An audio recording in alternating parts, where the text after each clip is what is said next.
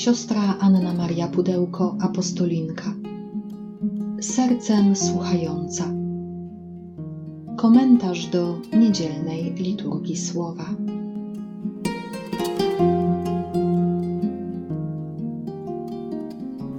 Z Ewangelii według świętego Łukasza.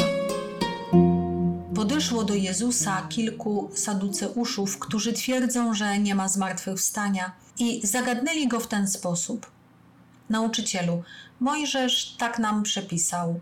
Jeśli umrze czyjś brat, który miał żonę, a był bezdzietny, niech jego brat pojmie ją za żonę i niech wzbudzi potomstwo swemu bratu. Otóż było siedmiu braci. Pierwszy pojął żonę i zmarł bezdzietnie. Pojął ją drugi, a potem trzeci, i tak wszyscy pomarli, nie zostawiwszy dzieci. W końcu umarła ta kobieta. Przy zmartwychwstaniu więc, którego z nich będzie żoną? Wszyscy siedmiu bowiem mieli ją za żonę.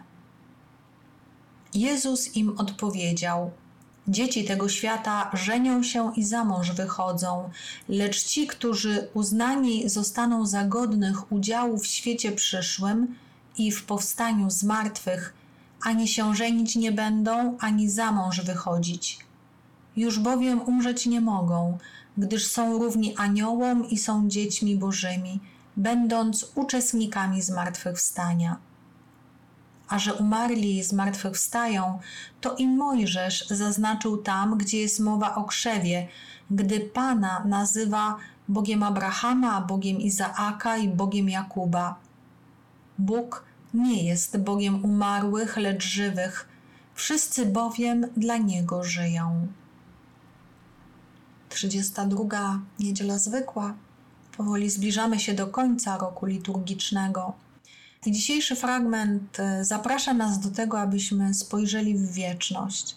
I tak opatrznościowo składa się, że jesteśmy jeszcze w oktawie uroczystości wszystkich świętych. Możemy modlić się i modlimy się za naszych bliskich, drogich zmarłych i do 8 listopada mamy szansę też zyskać odpust zupełny, by ofiarować właśnie w intencji dusz, które jeszcze oczyszczają się w czyśćcu.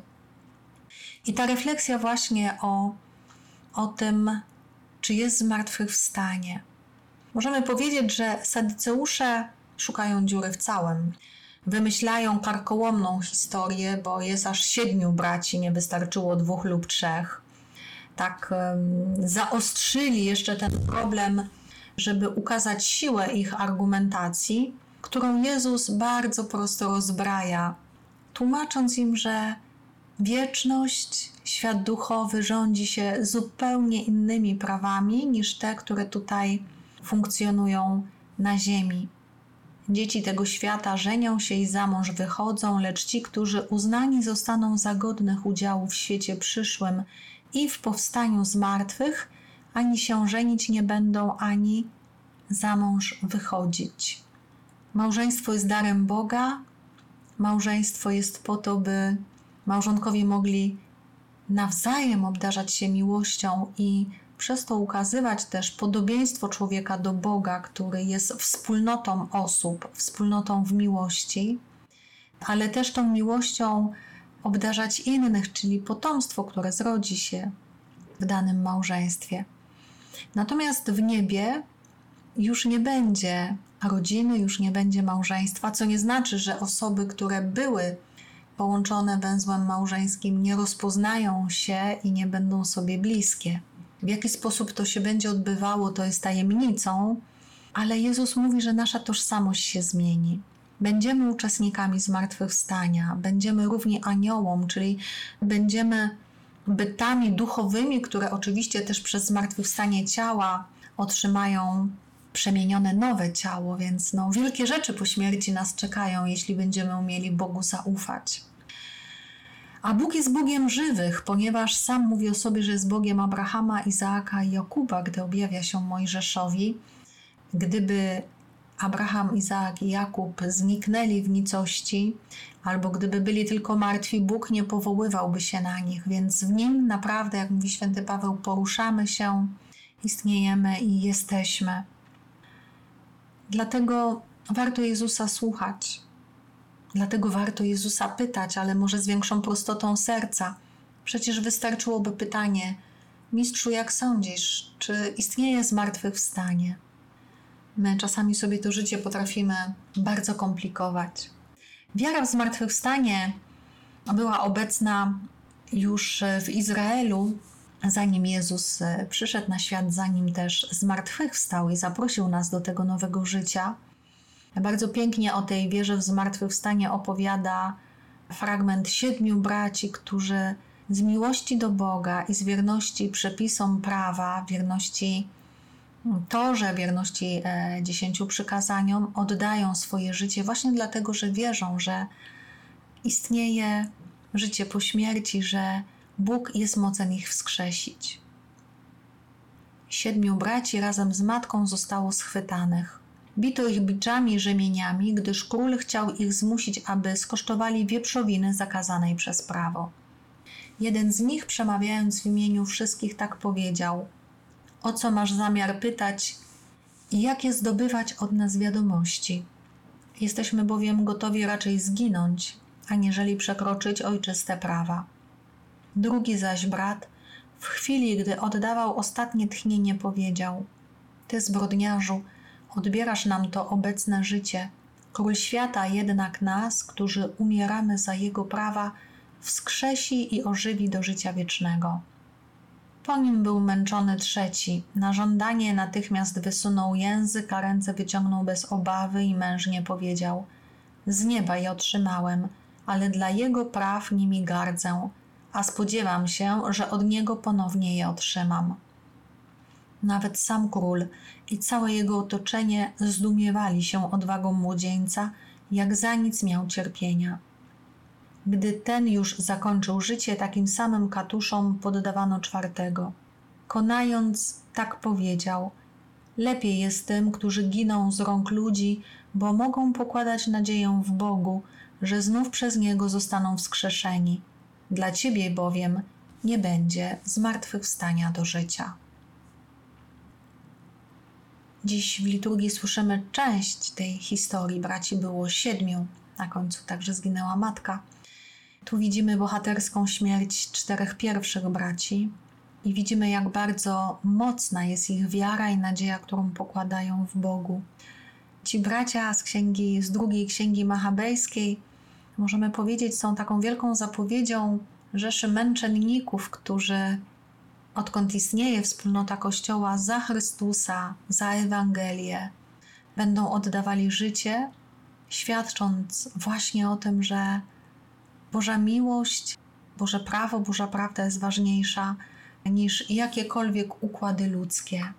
I życie można oddać tak, tylko wtedy, kiedy wiemy, że, że po śmierci będziemy trwać w Bogu, że istnieje inne życie, życie wieczne, że śmierć niczego nie kończy, a wręcz przeciwnie, śmierć otwiera nas na nowy wymiar życia i nową jakość życia. Ta nadzieja przyświeca także psalmiście, który poprzez psalm 17 i refren, który mu towarzyszy, wyraża swoją ufność wobec Boga. Gdy zmartwychwstanę, będę widział Boga. Tak mówi refren, i to jest chyba najgłębsze pragnienie człowieka, aby ujrzeć Boga, aby zobaczyć Jego piękno, aby spotkać się z Nim twarzą w twarz. A dobrze wiemy, że Dopóki żyjemy tutaj na ziemi, jest to niemożliwe. Rozważ, Panie, moją słuszną sprawę, usłysz me wołanie, wysłuchaj modlitwy moich warg nieobłudnych. Moje kroki mocno trzymały się Twych ścieżek, nie zachwiały się moje stopy. Wołam do Ciebie, bo Ty, Boże, mnie wysłuchasz. Nakłoń ku mnie swe ucho, usłysz moje słowo. Strzeż mnie, jak źrenicy oka, ukryj mnie w cieniu Twych skrzydeł, a ja w sprawiedliwości ujrzę Twe oblicze. Ze snu powstając, nasycę się Twoim widokiem. Psalmista z jednej strony opowiada o tym, jak przeżywa swoją wiarę, opowiada o swojej wierności Bogu. Moje kroki mocno trzymały się Twoich ścieżek, nie zachwiały się moje stopy. A z drugiej strony prosi Boga o pomoc. Rozważ, Panie, moją słuszną sprawę wysłuchaj modlitwy moich warg nieobłudnych. Wołam do Ciebie, bo Ty mnie, Boże, wysłuchasz, nakłoń ku mnie swe ucho, usłysz moje słowo.